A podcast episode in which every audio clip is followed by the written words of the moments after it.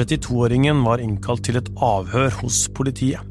Da han møtte opp, ble han sikta og pågrepet. Politiet kobler ham til drapet på Jonas Aarseth Henriksen.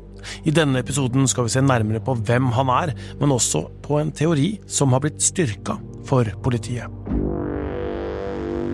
Jeg heter Tor Erling Tømtrud, og dette er Krimpodden i VG.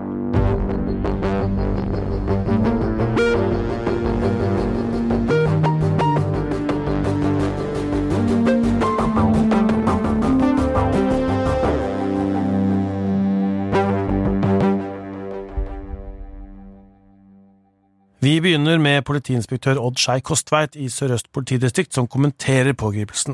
Det er vår kollega i VGTV, Fride Rive Lie, som møter ham i Hønefoss.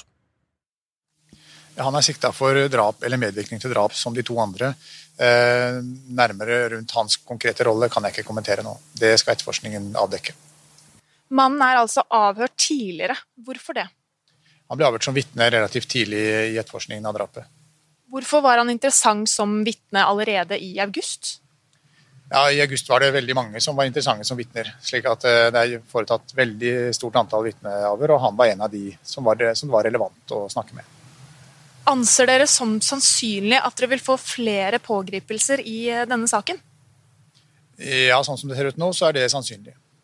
Eh, det er et samla etterforskningsmateriale og en løpende vurdering av, av, det, som gjør at vi mener at det kan være flere enn disse tre siktede involvert med en eller annen rolle i, i drapet. Hvorfor Jonas var på hytta er jo fortsatt et ubesvart spørsmål. Eh, hva vet dere om det nå? Ja, Nå legger vi til grunn som uh, sannsynlig at uh, han var der på det han trodde var et arbeidsoppdrag. Uh, men vi mener at det var et fiktivt oppdrag, altså en måte å lure han ut dit på. At det, det har sammenheng med, med, drapet. Hvor langt har dere kommet i å tegne et klart bilde av hva som har skjedd? Etterforskningen kommer til å vare i uker og måneder, og det klare bildet får vi helt til slutt. Så vi er godt i gang, men det er et godt stykke igjen. Hva vet dere om motivet til eh, drapet? Eh, vi har ulike hypoteser i saken knytta til ulike motiv. Eh, slik at svaret på det får vi også til slutt. Men foreløpig så er det flere hypoteser og flere motiv som fremdeles er høyst aktuelle.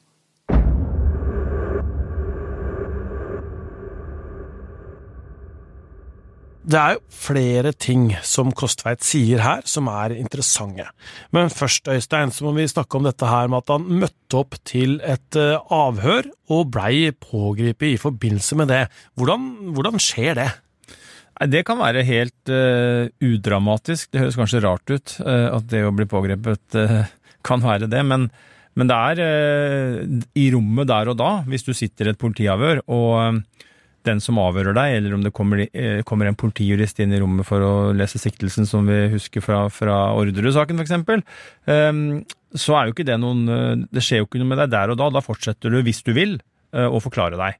Og du får jo spørsmål, og du skal svare, du, men du har noen andre rettigheter da. Kan, for det første så skal du alltid foreholdes hvilken status du har i et avhør. og for det andre, når du da går over eh, Nå, nå møtte jo vedkommende som eh, mistenkt her, men da har du jo Visste han da at han var mistenkt på forhånd? Det kan hende han gjorde. At politiet kalte ham inn eh, og gjorde han kjent med det. Han skal i hvert fall gjøres kjent med det da når han kommer til avhør, og si at dette avhøret har du status som mistenkt. fordi at da har han andre rettigheter enn som vitne, blant annet. Så har han muligheten til å øh, rådføre seg med advokat, og han har også Eh, en litt sånn annen rett til å forholde seg taus. Det er ikke noe sånn at du har Du har ingen plikt til å bidra til din egen straffellelse, som det heter i, eh, i jussen, eh, og, og, det er et viktig prinsipp. Som, som en, en, mistenkt eller en, en sikta har. Og du skal også vite hva saken gjelder, og du skal oppfordres til å forklare deg sant. Og så er det jo sånn at du skal, eh, dersom det innkalles til avhør, eh, og etterforskningen er konkret rettet mot eh, vedkommende, så er vedkommende å anse som mistenkt. Og det betyr jo da, som vi er inne på, at du skal ja, gjøre kjent med det, og at du har da disse rettighetene, og at du er i en annen stilling enn du er som et annet vitne. Og denne mannen vi snakker om her, han var jo det. Han var jo vitne. Han var en av de første, eller han ble i hvert fall kalt inn tidlig i etterforskningen som et vitne. Og så har da politiet jobba i flere uker med å eh, kartlegge både han eh, og andre i denne saken, og så har da denne mistanken vokst frem, som gjorde at man da ville ha et nytt avhør av ham, og at statusen hans da var endra. Mm. Grunnen til at han eh, ble kalt inn som vitne helt i starten veit vi noe om det? Nei, det er jo en, en mann som er i det vi kan kalle bekjentskapskretsen til, til Jonas. Og det er jo forskjellen nå på denne pågripelsen og de to foregående, er jo at nå har politiet flytta seg bokstavelig talt tilbake igjen til Hønefoss. De to første ble jo pågrepet i Elverum og i Stor-Elvdal, altså helt sør i Østerdalen. Og for noen så var jo det litt rart eh, at to eh, som bor såpass langt unna, og som heller ikke hadde noen sånn opplagt link til Jonas ut fra det som var kjent, eh, kunne ha med denne saken å gjøre, sånn politiet så det. Og så har man jo da nå flytta, flytta fokus og er tilbake igjen i Hønefoss-området og har pågrepet denne mannen, og han, og han har jo en link til Jonas. Og så gjenstår det jo mange ting her, da. Eh, mye som skal besvares, og vi hørte jo eh, politiadvokaten si at man har fortsatt ikke konkludert på motiv. Det er flere hypoteser, det er flere muligheter, det er flere spor som må jobbes ut. Så det er ikke sånn at man eh, Jeg tror man skal være varsom med å, å trekke slutninger i den saken her der den står nå. Det er en etterforskning som er pågående, og hvor mye gjenstår. Men man må jo da se på de tingene som har skjedd da, i Hønefoss med Jonas med branner i disse bilene, og det var taggepisoder og, og det greiene der. Det, det, skjedde jo ikke i, i, i, Elverum eller Verena der, det var jo i Hønefoss. Og de ligger jo der og har gjort det hele veien. Eh, og de har jo blitt etterforska og blir etterforska, og, og, og, kanskje vil det til slutt se en, en fasit da, som tilsier at alt eller noe av det som har skjedd med Jonas i forkant, har med drap å gjøre. Eh, og det svaret vil jo komme etter hvert, eh, høres det ut som. Eh, politiet høres optimistisk ut, og ja, det er en lang etterforskning, den vil pågå i måneder fremover, men det var ikke noe forbehold i forhold til det at vi skal få en løsning. Vi, vi hørte jo at han, han sa at, at, man til slutt kommer til å finne ut av hva som har skjedd her.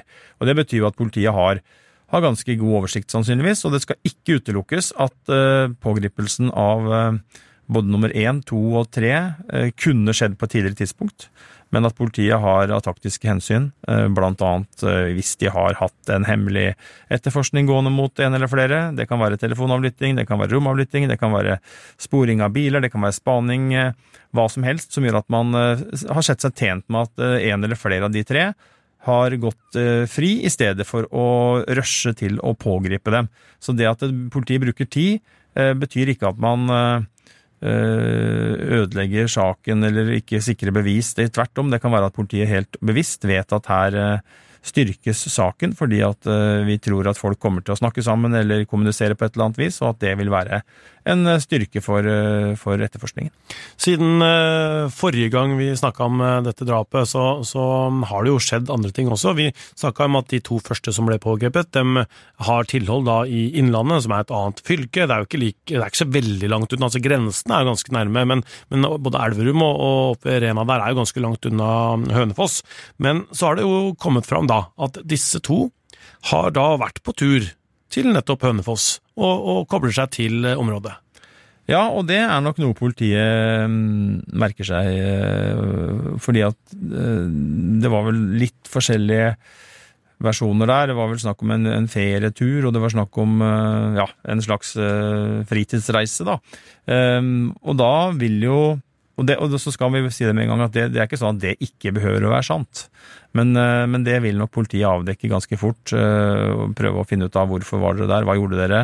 Og her er jo elektroniske spor selvfølgelig viktig. Eh, hvem hadde du kontakt med? Hvor oppholdt du deg? Hva gjorde du? Hva, hva kjøpte du? Så jeg tror jo jeg tror det er veldig sentralt, sentralt generelt i denne saken her. Det, det tror jeg er elektroniske spor. Jeg tror det øh, kan være en, en, en, bærebjelke i en sånn etterforskning. Fordi at Ja, det, det, Men vi får se. Det er langt igjen her, som sagt. Så jeg er jo spent på om det er, om det er langt til mål eller ikke for politiet her. For det er jo ikke sånn at hvis du sier at du har vært på en bursdagstur, da, som, som da har kommet fram her, så som du sier, så er jo ikke det nødvendigvis en løgn. For det er jo mange steder rundt Hønefoss-området faktisk å dra på, på ferie på. Det er masse campingplasser, det er masse fine steder rundt der. Ja, det kan hende det. Uh, at det går an å dra til Hønefoss. Du har jo vært der. Masse camping og, og, steder å være der. Ja, jeg har ikke vært på camping, men, uh, men jeg hører hva du sier. Ja, det vil jo politiet undersøke. De vil jo da ta forklaringa di, og så vil de høre hva du har å si om hva du har gjort og hvor du har vært, som jeg var inne på. Og så vil jo den bli lagt opp mot alt annet av informasjon, blant annet elektroniske spor, andre vitneforklaringer eh, osv. osv.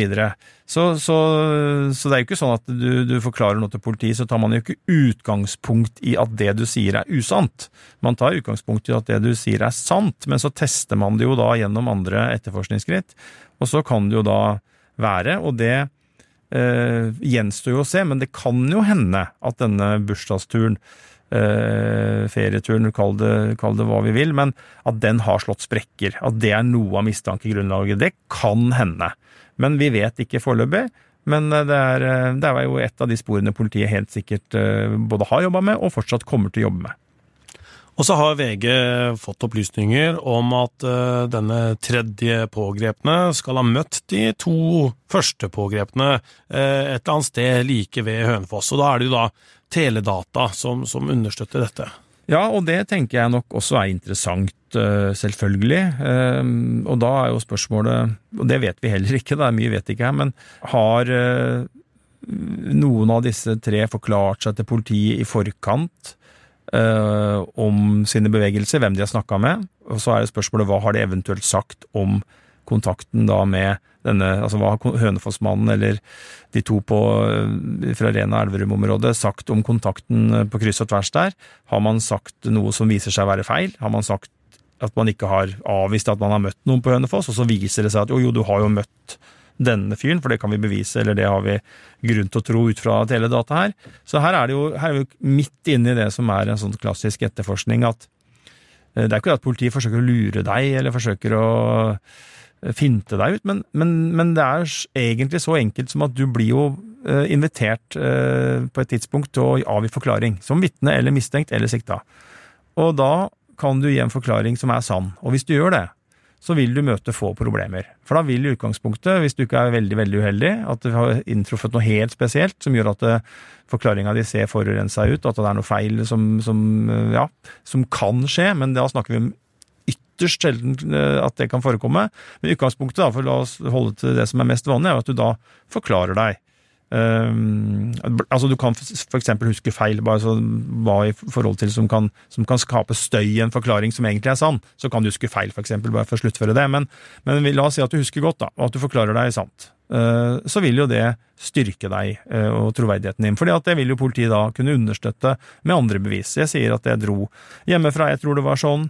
Jeg husker jeg tok en telefon, jeg husker jeg sendte en tekstmelding, jeg var innom på Kiwi, kjøpte meg en brus, og så dro jeg videre, og så var jeg, overnatta på et hotell, og så Ja, ikke sant? Og så sjekkes dette opp, og så ja, det stemmer, du var der, og du var der, og dette, dette er greit. Det er ikke noe Da, da vil det jo styrke deg.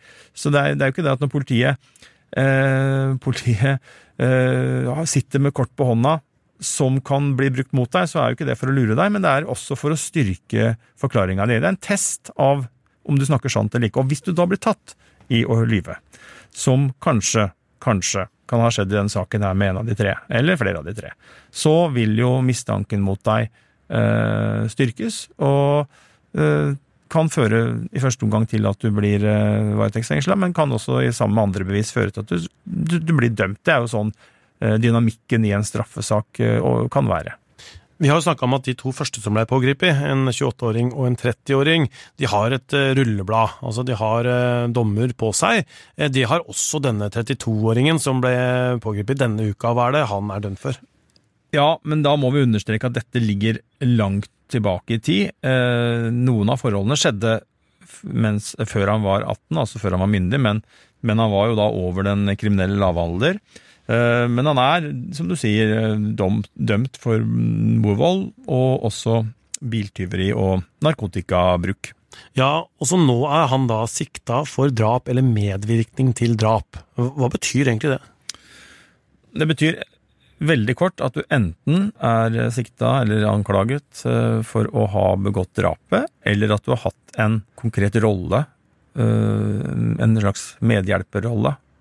Det kan være at du har skaffa våpen og visst hva som skulle skje. Det kan være at du har vært med på å kjøre noen et sted.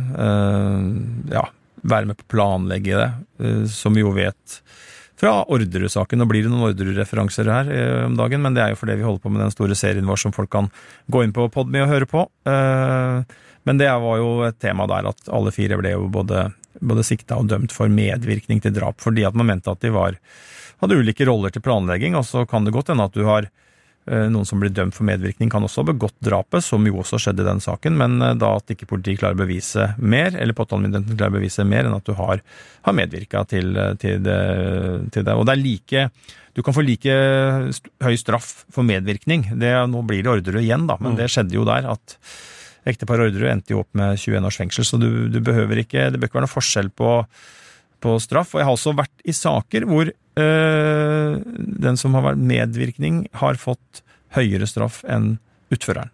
Uh, så her er, uh, her er, alt mulig. For det, det, går litt mer på sånn oppdragsgiver eller sånne ting, da? Ja, hvis du har uh, planlagt nøye og på en måte gjort alt unntatt å kjøre og på en måte trekke av eh, på avtrekkeren på et våpen, eller eh, liksom, det er bare det den som har utført, har gjort. Og kanskje har den som har bestilt dette her, eh, blir godtgjort at vedkommende har eh, hatt et overmaktsforhold på den som har begått drapet, eller om man har uh, følt seg trua osv. Så, videre, så kan du få situasjoner hvor, hvor den som medvirker, da, eller planlegger, men det heter jo medvirker til drap i jussen, men som kan være en sånn både bestiller og planlegger og alt, alt, alt annet eh, enn en, eh, du kan skaffe våpen og tegne og forklare og lage absolutt alt eh, klart, og så kan det være en annen som gjør det. Mm. Og det, nettopp det, når det gjelder planlegging, så er det interessant det som eh, politiinspektør Kostveit sa i, i, starten her, at de nå mener at det er mer sannsynlig at Jonas ble lurt i en felle. Eh, til, å, til, å, gjøre et oppdrag der oppe på den hytta i Nes i Årdal. Ja, og det har jo vært eh, vår hypotese hele veien. Um, mest sannsynlige scenario har Ja, det har sett sånn ut. Han har ingen, vi har ingen opplysninger om at Jonas har en relasjon til hytta. Uh, det var ingen som kunne opplyse noe som skulle gi en naturlig forklaring for hvorfor han hadde vært der. Uh, og det har jo vært snakk om at han om han hadde arbeidsbil og hadde med seg utstyr osv. Det har vel vært snakk om det. Uh, uten at det i farten husker om det er bekrefta, men, men, men, det spiller for så vidt ikke noen rolle her. Er, poenget er at politiet nå har slått fast at, at, det er mest sannsynlig at han er lurt opp dit. Uh, og da er jo spørsmålet uh, som ikke er besvart, og som vi har stilt ja, snart 100 ganger, holdt jeg på å si, det er, men det er ikke så rart, for det er et viktig spørsmål, og det er jo hvem er det som har gitt han det anførselstegn oppdraget? Eh, og det som vi jo har snakka mye om, er jo at Jonas tilsynelatende dro dit med garden nede. Vi vet at han var veldig redd før han ble drept. Han eh, tok en rekke forholdsregler. Det var kameraovervåkning, han fjerna seg fra, fra, adresser, han bodde rundt omkring. Eh, han var rett og slett veldig på vakt. Og så ser det ut, og dette må etterforskningen på en måte bringe klarhet i, men det ser ut som han har reist opp til den hytta og ikke ant noen sånn fare. Han hadde ikke med seg noen, han uh, hadde ikke snakka med noen på forhånd om at han skulle dit, han syntes det var skummelt, ingenting. Det er, så vidt vi vet, da, ingen opplysninger rundt det. Og det tenker jeg er um, et sentralt spor for politiet. For man kan jo utlede en hypotese, en av flere hypoteser, om at Jonas hadde den holdningen fordi at han da kanskje fikk oppdraget fra noen som han ikke visste hvem var. Eller, og det er kanskje ikke så sannsynlig, det første, men det andre, at han fikk oppdraget fra noen som han ikke trodde ville ha mot. Mm. Så hørte vi da politiinspektøren si at de ikke utelukker flere pågripelser. Og nå er det jo sånn at den pågripelsen som kom denne uka, det var jo en person som vi også hadde kan du si, en, en kartlegging på. Altså Det er sånn vi jobber. Her, her er det mange i kretsen rundt Jonas som, som vi også får, får, navn og tips om og alt mulig sånt. Og det, vi vet jo også at det, disse ryktene går jo oppe på Hønefoss og så, og så videre. Når de da ikke utelukker flere pågripelser, hvem er det som da har grunn til å tenke at nå blir det meg? Eh, det er jo først og fremst den som går rundt og vet at uh, jeg har hatt en rolle, hvis det finnes noen som, som, som har det. Uh, for det kan jo hende at politiet mener at det er flere som står bak, og det viser seg at det likevel ikke er det, bare så det er sagt. Men, men, men det er klart at det er jo sånn som vi vurderer den saken nå, ut fra det vi vet, og vi vet jo alltid mye mer enn det vi publiserer både her i Krimpodden og i VGs andre kanaler, så er det veldig sannsynlig at det blir Eh, I hvert fall én og kanskje flere pågripelser. Eh, og at eh, Ja, vi får se. Det er ikke sikkert det tar så lang tid heller. Men, men og, det, og, det, understreker jo også, tenker jeg, at politiet tilsynelatende har ganske god kontroll, tror de og mener de, ut fra det sakskomplekset de nå sitter med. For det at de, når de sier det, så, så er det som jeg har vært inne på før, at da da, da, vet man egentlig at uh, det kommer til å skje. Uh, jeg har hørt politiet kommentere det spørsmålet mange mange ganger, og noen ganger så sier man bare sånn vi kan ikke utelukke, men det er ingenting som tyder på det nå, eller Altså, de, de gir ofte en liten sånn tegn på at vi er egentlig sånn som vi ser det per nå i mål, men vi vil selvfølgelig ikke utelukke at det dukker opp noe i et avhør. Plutselig noen slipper en en nyhet holdt jeg på å si om at det har vært en medhjelper, eller at de har fått et våpen, eller hvor, hva det måtte være for et sted. Men andre ganger sier man at vi kan ikke bare sånn helt kort, vi kan ikke utelukke flere pågripelser. Og sånn som jeg leser Kostveit, så tenker jeg at uh, jeg, jeg ville ikke satt penger på noe annet enn at det kommer til å bli nye pågripelser. Hvis du da sitter der da, og veit at uh, ja, jeg har vært involvert i dette her, um, lønner det seg da å å gå til politiet og innrømme det, eller siden det har gått så lang tid, altså spiller ikke det rolle? Nei, det vil jo kunne lønne seg, fordi at du vil jo da kunne få strafferabatt. Uh, hvis du melder det til politiet og tilstår, så, så, skal jo det komme deg til gode i en, en rettssak. Uh, så, så, det vil jo alltid være lurt, uh, vil jeg si. Men det er veldig sjelden folk gjør det, da. så vi får se.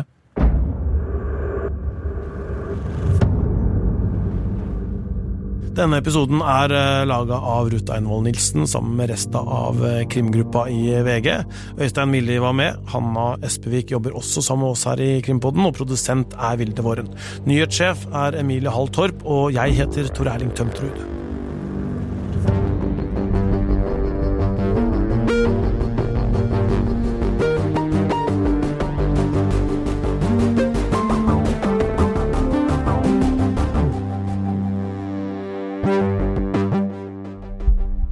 Har hørt en podkast fra VG.